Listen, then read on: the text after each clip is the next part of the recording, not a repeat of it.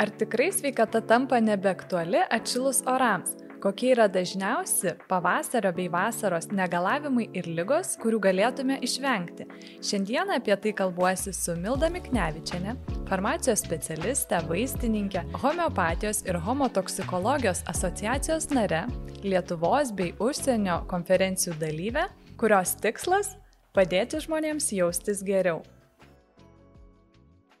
Na tai pagaliau atšilo orai, atrodo, kad e, saulė išlindus kažkaip sveikata eina į antrą planą, tarsi nebereikia ją rūpintis, bet iš tiesų po žiemos organizmas būna labai dažnai ypatingai išsekintas, jam trūksta įvairių maisto medžiagų, tai ir vitamino D, ir geležies neretai, ar nemilda. Kokiu, su kokiais nusiskundimais kreipiasi į tave pacientai dažniausiai būtent po žiemos? Iš tiesų tai jų yra labai daug ir įvairių. Um, tai gal suskirstysiu pacientų, pacientus į dvi grupės. Tai yra tie, kurie ateina jau iš gydytojų su rekomendacijomis ir tie, kurie um, ateina tiesiai pas vaistininką. Tai e, tie, kurie ateina jau iš gydytojo, paprastai būna jau pasidarę įvairius tyrimus ir Taip, iš tiesų, vitamino D, e, nors ir būna, kad sako, kad vartojo visą žiemą, e, tikrai dažnam trūksta ir dėl to galbūt rekomenduočiau jau iš rudens pradėti to rūpintis, pasidaryti tyrimą ir su gydytoju e, tartis dėl vitamino D trūkumo ir dozių parinktų tinkamų, o jau žiemos metu arba pavasarį pasidaryti dar kartą tyrimą ir tada žinoti, ar visgi užteko tų dozių, kurias vartojo ir buvo gydytojas paskyręs, ar visgi reikėtų toliau tęsti vitaminą D bent jau minimaliomis dozėmis arba didinti iki didesnių. Tai yra paprastai be gydytojo priežiūros maksimali dozė, kurią rekomenduojam, yra 4000 veikimo vienetų vitamino D e, kiekis. O rudens metu, kada optimaliausia pasidaryti tyrimą, nes atrodo vasarą saulės iš tiesų labai daug, bet ar jos užtenka ir ar iškart rugsėjį, ar kaip tik spalį lapkritį būtų rekomendacija pasitikrinti? E, tikrai taip, netgi ir rugsėjai pradėti galima būtų tikrintis, arba spalį e, vėliausiai, nes iš tiesų jau nuo rugsėjo saulės kiekis tikrai sumažėja ir toks niuansas yra, kad saulės kaip ir mes dar matome, ir matome mes ir žiemą.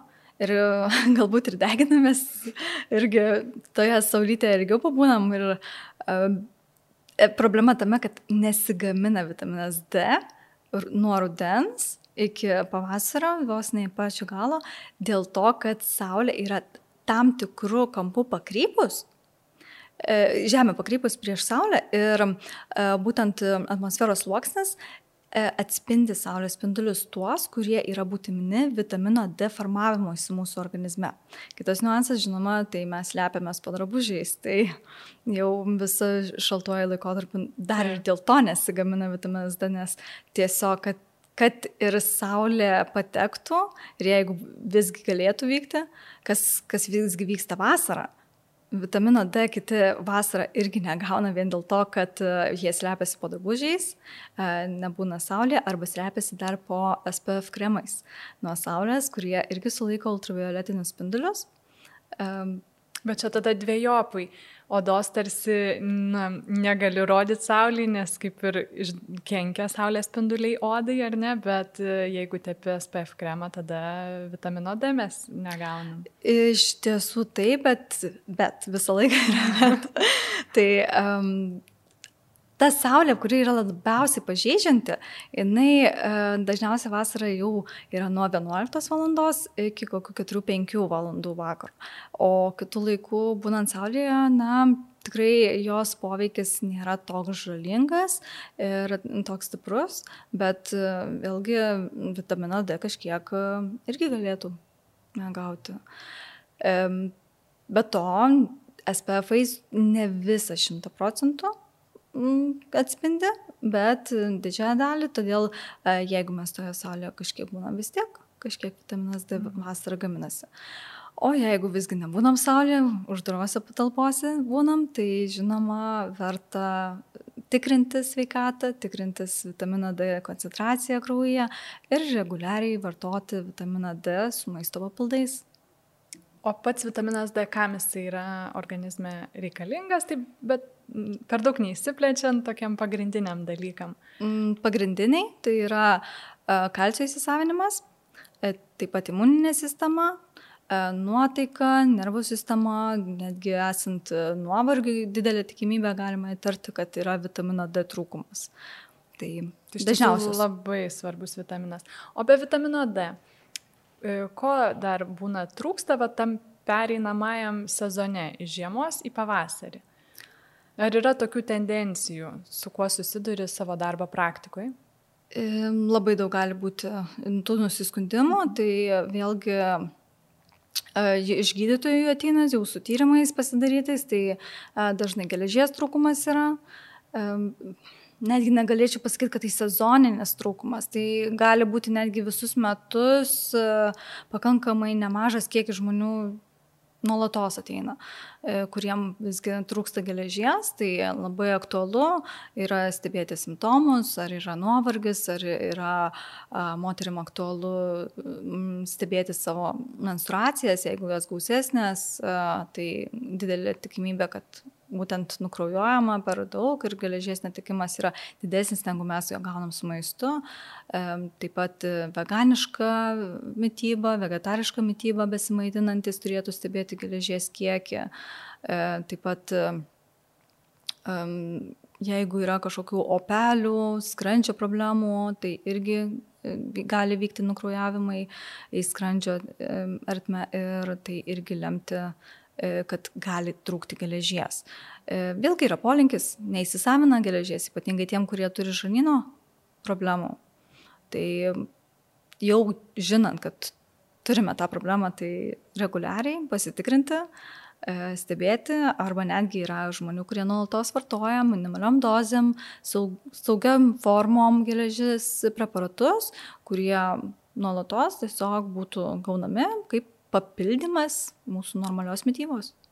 Bet iš tiesų čia vis tiek reikėtų ir turbūt su gydytoju pasitarti ir stebėti kraujo rodiklius, kad... Taip, taip, geriausia būtų, nes geležies perteklius lygiai kaip ir trūkumas irgi nėra gerai.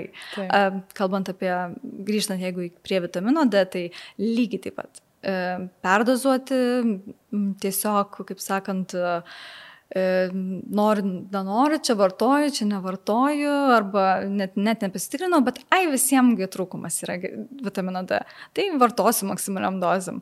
E, tikrai yra tokių žmonių, kurie vartoja ištisai, nežino ir na, tikimybė perdozuoti yra nedidelė, bet vis tiek jinai yra ir gali būti netgi dar blogesni simptomai ir sudėtingiau yra gydyti vitamino D perdozavimą. Bet taip, todėl Labai rekomenduotina pasidaryti kraujo tyrimą. E, o kaip su, kaip čia lengviau gal išsireikšti, kaip lengviau pereiti tą sezoną, kaip po žiemos į pavasarį einant dažnai kankina peršalimo lygos, būna toks nusilpęs imunitetas, bet vėlgi tų daržovių, šviežių vaisių trūksta, gal maisto medžiagų ir susidurėm ne tik, kad vat, vitamino D, gal geležies trūksta, bet iš esmės organizmas būna toks pavargęs šiek tiek, mums ir saulės trūksta, ir tos energijos. Ir ar yra tokių rekomendacijų, kaip ką reikėtų įsitraukti į savo mytybos racioną, gal kažkokius ir maisto papildus reikėtų, kurie e, nebūtų nei kenksmingi, nei žalingi, bet tokiam pastiprinimui organizmo, būtent pereinamojam sezonui. Na, tokio vieno bendro, gal atskiros multivitamino ar E, taip, iš tiesų tokio vieno tikrai nėra, vienos rekomendacijos, e, daugiau galbūt būtų pagal tai, ko kiekvienam pacientui trūksta reikia, kaip jo mytyba, ką jisai per visą žiemą vartojo ar nevartojo, e, galbūt tai yra gretutinės lygos, simptomai, kurie išduoda, ką geriau pasirinkti. Mm, tačiau iš tiesų, pasakojant, kaip, kaip perėjimas yra iš žiemos į pavasarį, prisiminiau tokią na, istorija 200-300 metų laikotarpio atgal, um, kaip tikrai buvo dažna problema, kai um, pat, žmonės, paprasti žmonės, skūsdavosi simptomais kaip nuovargis, galbūt kraujagyslių trukinėjimas, taip pat opelės burnos gleivinėje, taip pat jis greitai susirgdavo peršalimais ar kitom infekcijom ir ko galėjo tuo metu trūkti žmonėms. Ogi vitamino C. Mes galvom, kad tai yra žiemos Aha. būtent produktas. Taip, nes na, visgi vaisių, daržovių mes negaunam tų pačių šviežiausių, bet ne tie laikai, 200-300 metų atgal taip, tikrai buvo ta visa mytyba, tik tai na, kruopas turbūt ir mėsa, ir tų daržovių, ir vaisių neužsi, kaip ir konservuodavo tiek žmonės, visgi metodai buvo kiti. Tačiau būtent dėl daržovo trūkumo, vaisių trūkumo, e, ypatingai citrusinių, e, dabar mes netrūkstam. Taip. Ir Taigi buvo didelis trūkumas vitamino C, skorbutas tokia lyga buvo ir mes žiemą naudojam vitaminą C, stengiamės valgyti kuo daugiau apelsinų, citrinų, įvairių vaisių, kuriuose būtų uogų irgi prisišaldę esam. Ir, na, dažniausiai visgi jau dabar nebesusidurėm su šita problema ir vitamino C trūkumo neturime, bet jeigu visgi kankina panaši simptomatika, ir per visą žiemą nevartojame, arba tie vaisiai ir daržovės buvo retas, kaip ir mytybos šaltinis, tai verta būtų pagalvoti ir apie vitamino C pavartojimą pavasarį. Mhm. Gera rekomendacija ir vitamino C sunku perdozuoti. E, taip, kadangi jisai vandenį tripos, tai be problemų yra, netgi ir didesniam dozėm galima um, kurį laiką, nedidelį laiką panaudoti, mažesniam dozėm galima vos ne visą laiką, nes jisai yra tas vitaminas, kurio mums reikia gauti kasdieną. Kaip palyginimui vitaminas D jisai yra aliejuje tirpus, todėl nusėda mūsų vidaus riebalinėme audenyje, kepenyse taip pat ir vitaminas C jisai turi būti gaunamas kasdieną ir taip mes turim būtinai gauti šviežių vaisių ir daržovių arba papildyti su maisto papildais. Tai, tai dar į tavo klausimą apie maisto papildus, kurie reikalingi mums taip kaip ir daugmaž visiems būtų naudinga, tai sakyčiau universalūs multivitaminai. Jeigu nežinom, ko tiksliai reikia, multivitaminai yra geriausia. Jų sudėtyje visada yra B grupės. B grupė e, mums e, pagerintų ir nervų sistemos veiklą, pamaitintų, atstatytų ypatingai stresą patiriantiem nuolatinį e, visą nervų sistemą. Ir žinoma, yra tenais ir mikroelementų, e, vitaminų įvairių, kurių reikia gauti su maistu kas visada, kad ir po truputėlį, tai būtų tokia bendra rekomendacija visiems turbūt. Mhm. Atėjus pavasariui, e, viena iš dažniausių problemų būna alergijos. Mane pačią kankina irgi, kai prasideda žydėjimas ir taip toliau. Kaip natūralesniais būdais padėti savo būtent alergijų metu? Tai pirmiausia, e, su tom alergijom susiduria ir tie patys žmonės, kurie jau žino, kad jas turi ir jau būna pasiruošę iš anksto, nusiteikę, pasirūpina, e, kad nueiti pas gydytoją, išsirašyti vaistų ir vartoja tos vaistus. Tačiau yra tikrai tokia grupė žmonių, kurie pirmą kartą susiduria ir jie nelabai orientuojasi pradžioje, kas jiem darosi, tai yra akių ašarojimas, čiaudulys, niežulys, e, atrodytų pirmi e, peršalimo simptomai. E, bet jeigu jie prasideda anksti pavasarį, jau pradedant žydėti pirmiesi med, medžiam ar augalam, tai verta būtų, jeigu nepadeda vaistai nuo peršalimo, pagalvoti apie alergijų tikimybę būtinai pasirodyti pas gydytojus, pasitarti dėl e, gydimo umių atveju, e, ką vartoti.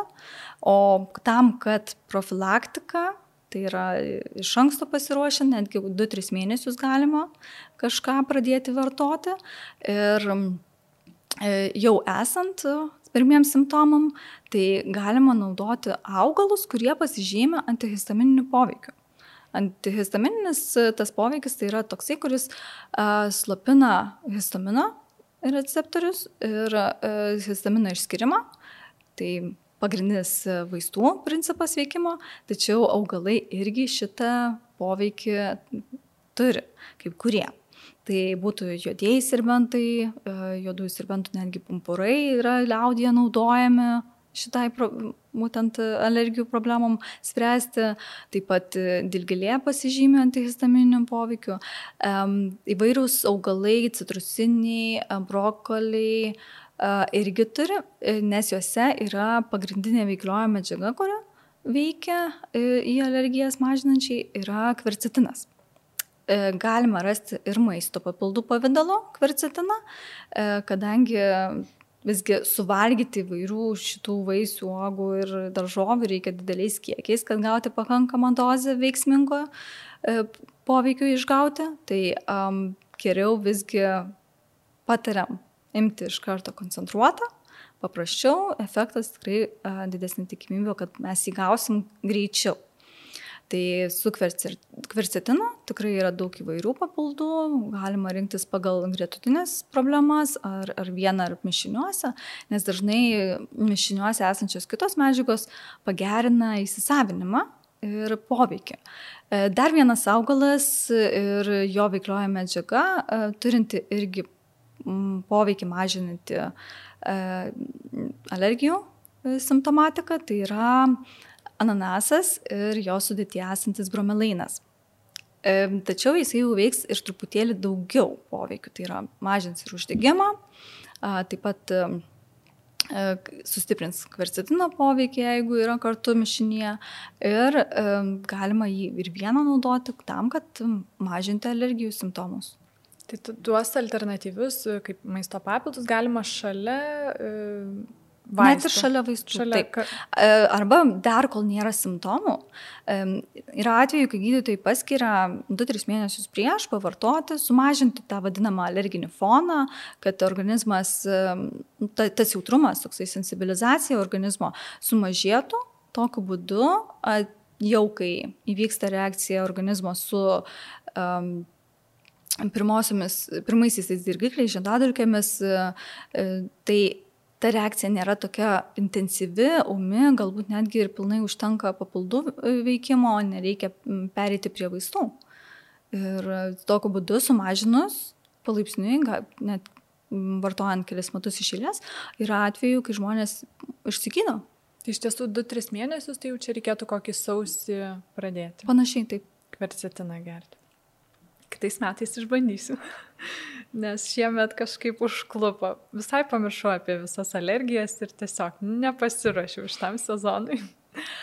Be alergijų labai dažnai pavasarį suintensyvėja plaukų slinkimas. Kodėl? Kaip čia tas mechanizmas veikia? Ką daryti, kad šita problema taip stipriai nevargintų arba iš vis nevargintų, jeigu įmanoma? Tai dėl kelių priežasčių gali būti plaukų slinkimas, suaktyvėjimas. Tai e, pirmoji vietoje e, didelė tikimybė, kad ir dėl mytybos e, žiemą e, geležies trūkumo. Tai pirm, geriausia būtų išsitirti pirmiausia geležį. Ir pir, tik atstačius geležį pradėti vartoti ir kitus mikroelementus ir vitaminus, e, nes realiai na, tai yra pagrindinė ir daugiausia įtakos daranti e, priežastis. Tai jau atstačius arba jeigu geležies trūkumo nėra, tada galima būtų vartoti pagrindinius mikroelementus, tai cinkas, selenas e, ir vitaminai, tai biotinas, niacinas, kurie dažniausiai pagerina E, pamaitina, atstato e, plaukų folikulų darbą ir pačią plauko e, formavimąsi, kad jisai auktų sveikas ir kad suaktyvėtų ta, ta veikla. Tai būtų taip, o daugiau, taigi nervų sistema. Nervų sistema irgi jinai išsibalansuoja. Žiemos metu tas visas mūsų gyvenimo būdas yra uždaras gana, į lauką retai kada išeinam, tai truputėlį išpratėjom. Ir tas, ta įtampa, tas nervingumas, nerimas, jisai turi įtakos, eikvoja įvairias mūsų maistinės medžiagas gana intensyviai ir dėl to jų trūkumas gali lemti irgi. Tai reiktų pagalvoti, galbūt kažkokių raminančių augalinių žalelių panaudoti, ar arbatų, ar maisto papildų pavydalu. Taip pat joga, kokią užsiimti, ar na, kažkaip atpalaiduoti įvairiais metodais savo psichoanalizę pasidaryti, kaip sakant, ar, ar panašiai. Na, ir vėlgi visas gyvenimo būdas, kad pergalvoti, kas galbūt lemia tą, tą streso padidėjimą. E, dar irgi prisiminiau apie tą patį vitaminą D. Vitamino D trūkumas irgi turi įtakos plaukam ir jų slinkimui. Jeigu yra trūkumas, e, tai irgi kaip ir geležį pirmą reiktų atstatyti, tada papildyti papildomom kitom medžiagom. Tai iš tiesų, ne, jeigu pradeda jau slinkti plaukai, tai pasižiūrėti, ar kažko netrūksta. Tai labai svarbus rodiklis. Vitaminų ir atkreipti dėmesį į savo savijautą, ar užtenka poilsio ar ne, ar nesinervuojam per daug, o jeigu nervuojamės, tai kažkaip kompensuoti ir sugebėti ir pailsėti, ar ne, ir atsipalaiduoti. Tikrai taip. O kalbant tada toliau, einam jau iš pavasario į vasarą, jau ne už kalnų pas mus ir vasarą. Ką, į ką reikėtų atkreipti dėmesį ir kaip pasiruošti vasaros sezonui? Ar yra kažkokie tai, kažkokios rekomendacijos, ar iš tiesų pavasaris, vasara čia niekas nesiskiria ir mes kaip gyvenam, taip toliau turėtume gyventi, nieko Na, nekeisdami. Tai papildomai, jeigu vis kars nuo karto pavartojam multivitaminus, be pertraukų multivitaminus galim naudoti netgi ir 3 mėnesius, po to padaryti pertraukėlę, vėl žiūrėti pagal simptomus, pagal poreikį, pagal savijautą ir jeigu reikia vėl kartoti arba trumpais etapais. Aš tai mėgstu pati savo, tai tiesiog truputėlį vieno vitamino, truputėlį kito, nes žinau, ko maždaug e, su maistu negaunu, žinau, į ką esu linkusi, ko kad, kad trūksta vis kars nuo karto. Ir vėlgi labai yra svarbu akcentuoti patiem žmonėm, e, kad jie stebėtų savo savijautą, jie stebėtų savo organizmo pokyčius. Galbūt e, streikuoja virškinamasis traktas, galbūt žarnyno sistema, vėlgi tas vas stresas, įtampa, išbalansuoja miegą ar vitaminų trūkumas vėlgi gali lemti ne tik plaukų slinkimą, gali lemti ir odos problemas ir daugelį kitų problemų. Bekalbant, vėlgi prisiminiau, kad dar viena, ne, kurią ne, ap, nepakalbėjom, tai yra problema pavasario, tai yra skrandžio problemos.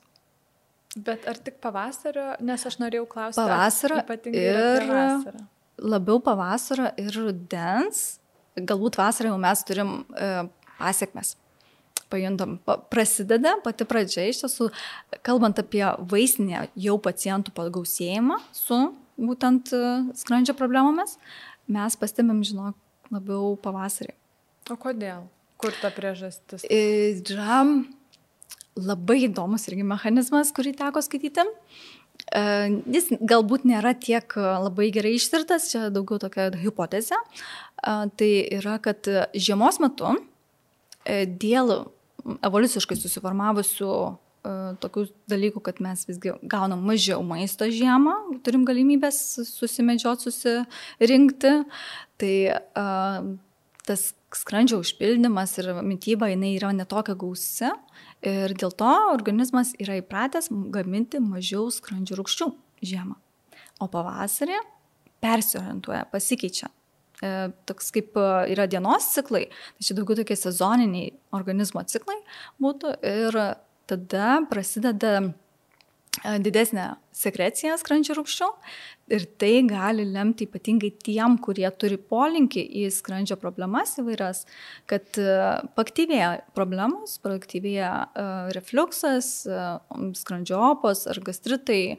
Žinoma, geriausia jau turint ir rimtesnius simptomus, skausmą jaučiant ar panašiai, kreiptis ir pas gydytoją, bet pirmiem tiem simptomam, žinoma, dažnai būna kreipiasi tiesiai į vaistinę, kad numalšinti, pager, pagerbinti, pagerinti tą simptomatiką. Ką rekomenduoji?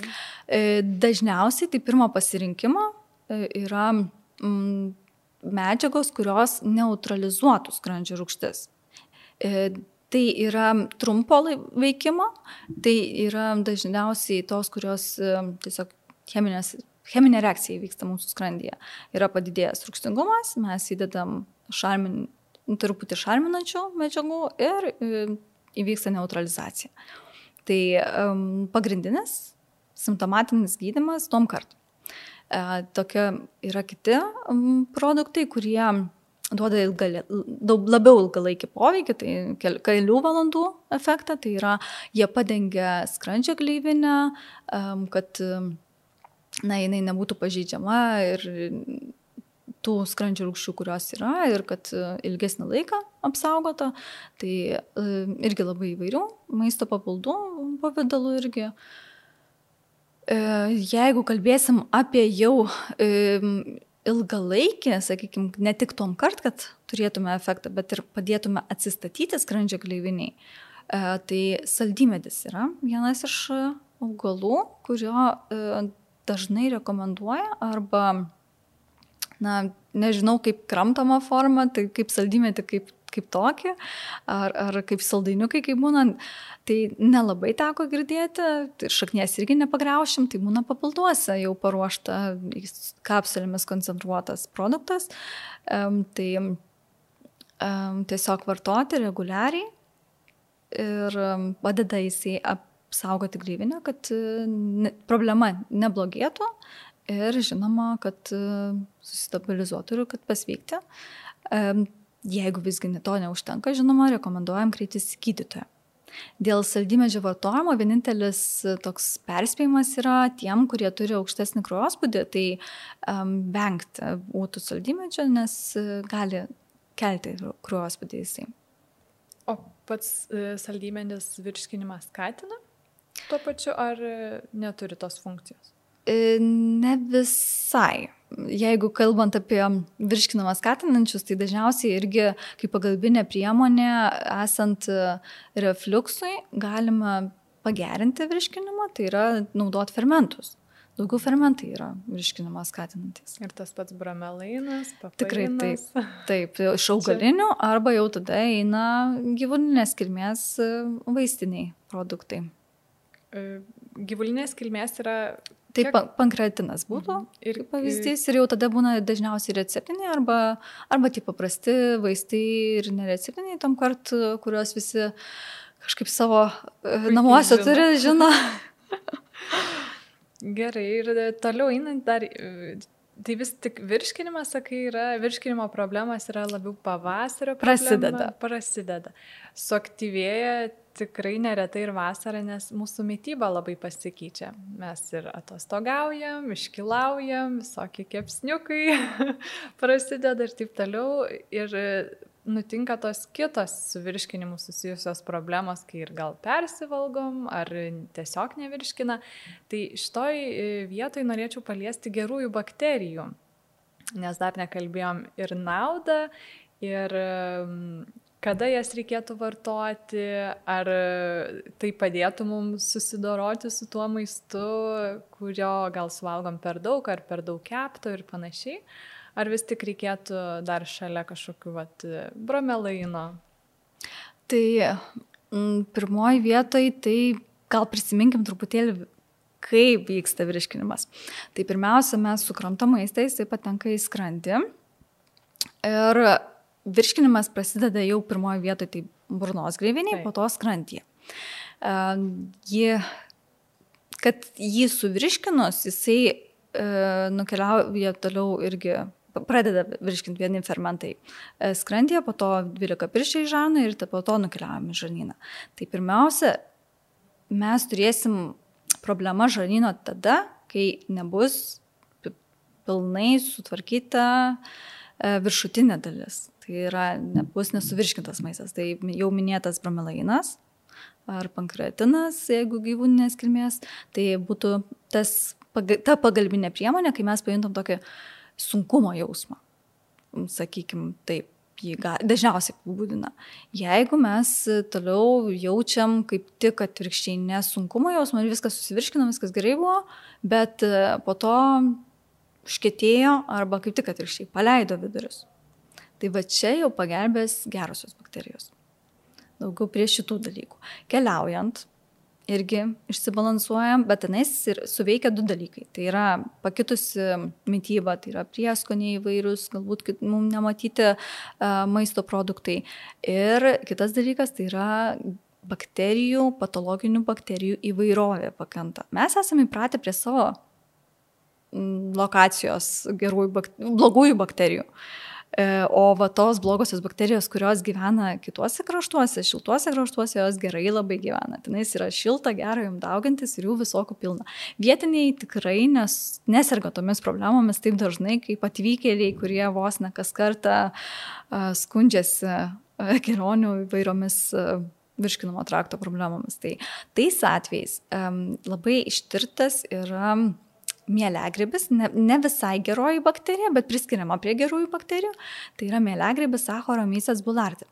E, jisai yra pastebėtas jo poveikis e, kaip pirmo tikrai pasirinkimo produktas, kai norime išvengti kelionių metu įvairių infekcijų, kurios po to jau pasibaigtų rimtesniem problemom, arba jau kai turim tą problemą, pasigavom visgi, jau, jau visas žarnynas mūsų suliosavo, jau, jau viskas išsivalė, bet nesustoja silpnumas, pykinimas ir kiti simptomai, irgi galima pradėti vartoti um, būtent gerasis bakterijas, kurių sudėtėjo būtų to mėlegribio Saccharomyces boulardii.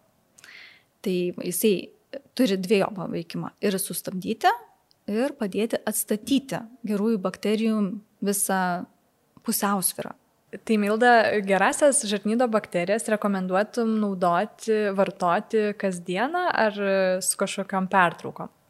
Tai po e, persirtos lygos, po antibiotikų terapijos, e, pavartojus va, tas va, gerasis bakterijas, daugiau melegrybė, kaip sakant, Saccharomyces boulardii, va tada atstatymui galima būtų va, pagerinti, bet vartoti įvairių rūšių gerųjų bakterijų, uh, E, jau tada lakto ar bifido bakterijų užsamų ar kitų įvairių e, kombinacijų. Ne viena, gali būti kombinacijos 4, 5, 12 rūšių. Tikrai labai įvairūs yra gamintojai, jų produktai ir ta įvairovė ypatingai e, priklausomai nuo simptomų, nuo norimo poveikio išgauti tikrai labai sviruoja ir pagal tai ką mes jaučiame, ko, ko reikia, pagal tai geriausia rinkti. Žinoma, geriau pasitarti su gydytoju, su vaistininku ar su vaistininku, kad parinkti tą geriausią produktą kad būtų gaunamas geriausias efektas. Ir gerosios bakterijos e, rekomenduojamos geriau ryte ar vakare vartoti? Yra įvairių rekomendacijų, bet visgi dažniausiai pasitaiko, kai vartojamos gerosios bakterijos yra vakare, po vakarienės arba visai netgi prieš miegą. E, tačiau jeigu vartojame antibiotikai, tada reikėtų vartoti netgi 2, 3 ar 4 valandų laikotarpį toliau nuo antibiotikų. Tai po antibiotikų praėjus bent 2-3, jeigu ir daugiau, Taip, dar geriau. Taip. Mhm. E, kalbant dar apie tą vasaros sezoną, tai turim aišku ir virškinimo visokių problemų, sprendžiam tavo rekomendacijom. Ir neretai suaktyvėja ir odos problemos, dėl to, kad virškinimas labai glaudžiai susijęs su oda, tai jeigu tenai kažkas nevyksta tvarkingai, tai atsispindi visos problemos dažniausiai ir veide. Aišku, gal vasarą tie bėrimai būna šiek tiek prislopinti dėl to, kad gaunam saulės, ir bėrimai nebūna taip matomi, bet ar į vaistinę, ar į tave kreipiasi pacientai dėl odos problemų, būtent vasaros metu? Tikrai taip, vasarą jų irgi būna daugiau. E, dėl tų pačių priežasčių, ką paminėjai, bet dar ir yra dar žmonių tipas, kuriem yra, turi tokią riebesnę odą, linkusią išsikimšimus ir dėl padėjusios fizinės veiklos gali būti taip, kad e, visgi užsikemša poros ir dėl prakaitavimo, dėl sebumo didesnio kiekio gamybos ir padažnėja. Tai oda yra valymosi organas. Tai vat, liaukos yra odoje, kurios prakaitą gamina, tačiau tai, ko mes nepašalinam būtent per virškinamą traktą, per žarnyną, per kepenis, tai bando organizmas visgi kompensuoti ir pašalinti per odą. Tai jeigu žarnynas ir kepenys e, turi būti pirmoje vietoje sveiki ir jas reikia prižiūrėti tam, kad turėtume ir sveiką odą. Tokiu atveju rekomenduočiau ir tas pačias gerasias bakterijas. E, taip pat yra vadinamieji detoksikaciniai produktai. E, yra šitoje vietoje mitas, kad detoksikacija neveikia. Ir šitas mitas dažniausiai yra pagrystas tuo, kad detoksikacija yra reklamuojama kaip e, toks mistinis e, gydimo metodas, kai sutraukia į, į save viską išvalo ir, ir, ir panašiai ir pašalina. Bet visgi mūsų natūrali organų veikla, jinai e, veikia jau kaip detoksikuojant detoksikuojanti. Tai pagrindiniai tie organai yra kepenys ir žarnynas. Ir mums su tais visais e, produktais e, detoksikuojančiais mes turim paveikti šitus du organus, būtent juos aktyvinti, juos sveikatinti. Ir jeigu yra kepenys užterštos, jeigu yra apsunkintos, e, netgi suriebėjusios, tai pirmoji vietoje reikia mums jas valyti, jas skatinti jų veiklą ir gerinti jų veiklą. Tai atstačius šitas funkcijas, pagerėtų visa detoksikacija, visas mechanizmas ir, žinoma, pagerėtų ir odos būklė, nes būtų mažiau jinai apkraunama e, šalinimo funkcija. Kita problema vasara susijusi oda, tai iš tiesų per didelis mėgavimas į saulę. Ir atrodytų jau tiek yra informacijos, kad kaip saugoti odą nuo saulės, ką daryti, va, kaip minėjai, kad nuo 11 iki 4 valandos dienos metu geriausia vengti saulės ar ne, kad nenudegtų oda.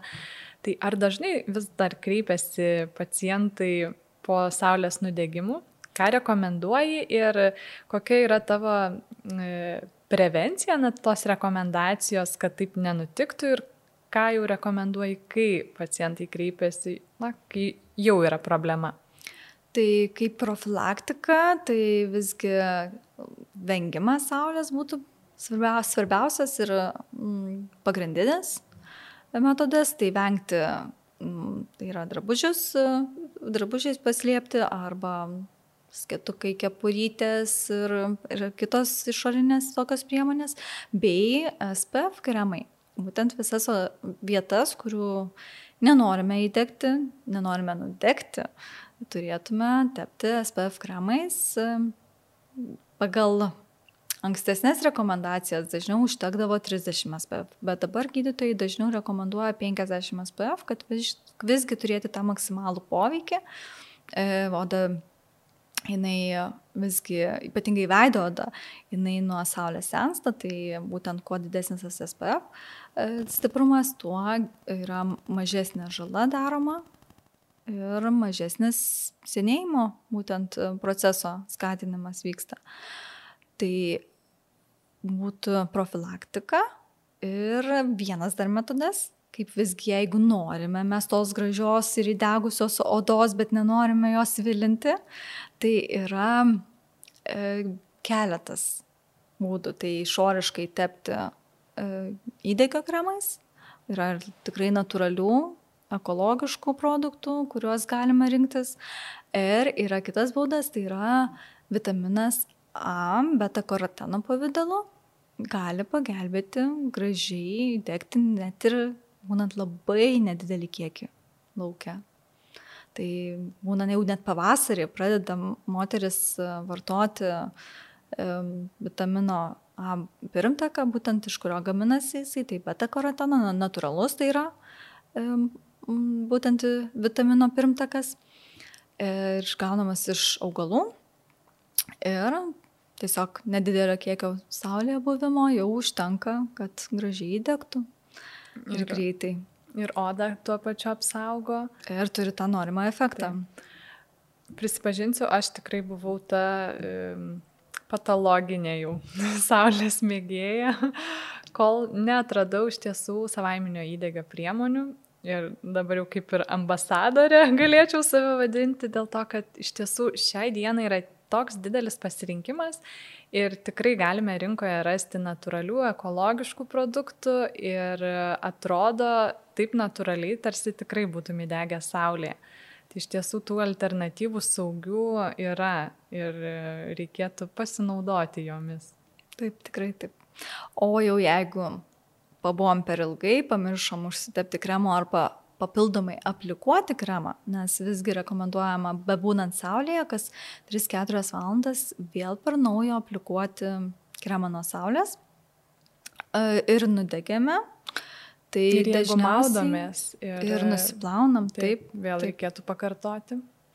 Tai tokiu atveju e, yra produktų ir vaistinėje, bet pirmiausia namuose tai bandyti vėsinti ir aplikuoti aliošiaus gelių, pantenolis irgi yra ir purškiamų pavydalų, ir na, tepamais, nebent labai lengvais rekomenduojama, nes jokiais būdais nevartoti jokio aliejinių, kas anksčiau buvo tiesiog pirmo pasirinkimo babučių rekomendacija, tai yra te, užtepti aliejaus ant nudegimo vietos, tai čia griežtai, griežtai negalima. E, turi būti tik lengvi, tik geliniai ir tik tai va, tokie vėsinantis, gaivinantis, e, drekinantis, drekinantis e, su aliošim dažniausiai, nes jisai padeda regeneruoti odai, o jeigu visgi yra, matosi, kad nudegimas rimtesnis, žinoma, kreiptis į gydytojus. Na ir pabaigai iš patirties, ar turi kokių įdomių, gal net neįtikėtų, tokių netikėtų e, faktų, ką vertėtų žinoti, norint pasirūpinti sveikata, gera savijauta pavasario, vasaros metu? Tai keletas maisto papildų yra labai įdomiai vartojami. Pradėkime nuo omega 3. Visi galvoja, kad omega 3 reikia vartoti žiemą ir patink, kad tai padeda imunijai sistemai ir panašiai. Ir taip ir ne. Mums omega 3 gauti reikėtų visus metus, e, ar tai su maistu iš augalinių aliejų, gyvūninių aliejų, turiu omeny būtent žuvies e, produktų, arba su maisto papildais. Tačiau tuo metu, kai mes jaučiam peršalimo simptomus ar kad kažkas negerai yra, būtent omega 3 papildus reikėtų nutraukti vartoti. Kodėl? O todėl, kad omega 3 turi poveikį mažinti uždegimą. Jeigu mes mažinsim uždegimą, kai mūsų organizmas būtent jį pakelia, skatina uždegimą imuninės reakcijos metu ar e, kažkokio kitos e, infekcijos metu, tai įvyksta taip, kad organizmas kelia uždegimą, mes lupinam. Gymas sunkiau vyksta. Mhm. Tai tuo metu, kai... Jeigu sergame, sergame... nutraukiame. O šiaip atsistatom, galima... vėl toliau galim tęsti omega 3 vartojimą. Įdomu. Dar kažkas yra iš tokių perliukų? Dar vienas iš tokių mažiau e, girdėtų faktų, tai būtų imbiero vartojimas vasarą. Iš tiesų reikėtų atsargiai vartoti tada, tada kai yra labai karšta imbierą, nes jisai pats turi savybių aktyvinti, gerinti kraujotaką ir tokiu būdu skatinti ir pakaitavimą, dėl ko gali būti ir dehidratacija ar tiesiog raudonis veido paaktyvėti. Mm, tai, tai tikrai, bet impiero mėgėjai turėtų atkreipdėmėsi. Tai. E, maisto papildus labai dažnai siejama su šaltuoju sezonu, rudeniu, žiema, na gal dar pavasariu, o atrodo jau vasara, tarsi mums nieko nereikia. Pilna daržovių, vaisių, bet ar iš tiesų užtektinai mes gauname vitaminų ir mineralų, vitaminų ir mineralų būtent su maistu? E, ne visais atvejais tikrai, nes e, visgi mūsų ta mytyba yra taip pasikeitusi, kad mes vartojam mažiau tų daržovių, e, daugiau mėgstam greitą maistą, kuriame jau yra daug perdirbto maisto e, produktų, kurie nebeturi mineralų, vitaminų savo sudėtyje. Taip pat ir žemdirbystė jinai yra pasikeitusi. Jau e, nuolatos alinamos yra tos pačios dirbos, galbūt makroelementų vis papildoma su įvairiom trašom, tačiau mikroelementų, tų vadinamų E, mažai reikalingų e, mineralų, kurių reikia tikrai labai nedideliais kiekiais, mes tikrai mažai gauname su mytyba ir vis dažniau ir dažniau trūksta šitų mikroelementų ir gydytojai tikrai rekomenduoja jų papildyti su maisto papildais, kad ir labai nedideliais kiekiais ir vartojant maisto papildus. Tai vasaros metu tikrai rekomenduotum. Ir kokie būtų ta, tavo tokie, nežinau, top penketukas. Tikriausiai ir magnis turėtų įeiti į vasaros. Būtinai. Topą. Taip, vasaros metu makro, ne tik mikro, bet ir makro elementų mes pritrūkstame dėl didesnio prakaitavimo. Tai um, pasirinkti, aišku, mineralinius vandenius, vis pakaitalioti su paprastu e, vandens e, stalo to vandeniu vadinamu iš krano. E, tai jeigu žinom, jaučiam simptomus, kad mešlungiškas traukimas kankina, tai magnis būtinai būtų pap reikalingas papildyti.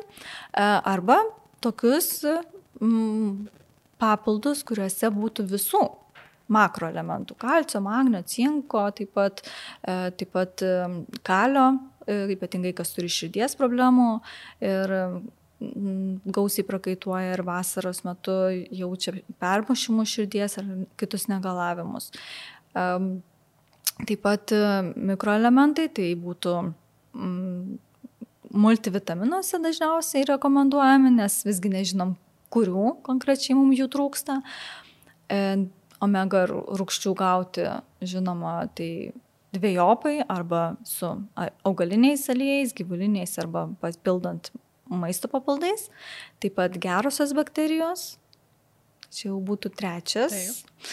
Um, ketvirtas, ar ne? Tai tada augalai, kurių mums reikia pagal poreikį, siūlyčiau visgi rinktis, bet tai čia priklauso labai individualiai tada, Taip. jeigu nervų sistema yra ta mūsų tokia kritinė zona, į kurią reiktų atkreipdėmėsi, tai raminančių maist, augalų maisto papildų pavydalu. Ir penktas tai būtų gerosios bakterijos žarnyno palaikymui mikrofloros. Tai iš tiesų, Milda, tikrų tikriausias mitas, kad sveikata nereikia rūpintis pavasarį ir vasarą, kad iš tiesų visko mums užtenka, ar ne? E, tikrai taip, reikia rūpintis ir pavasarį, ir vasarą sveikata, ir visus metus ištisai.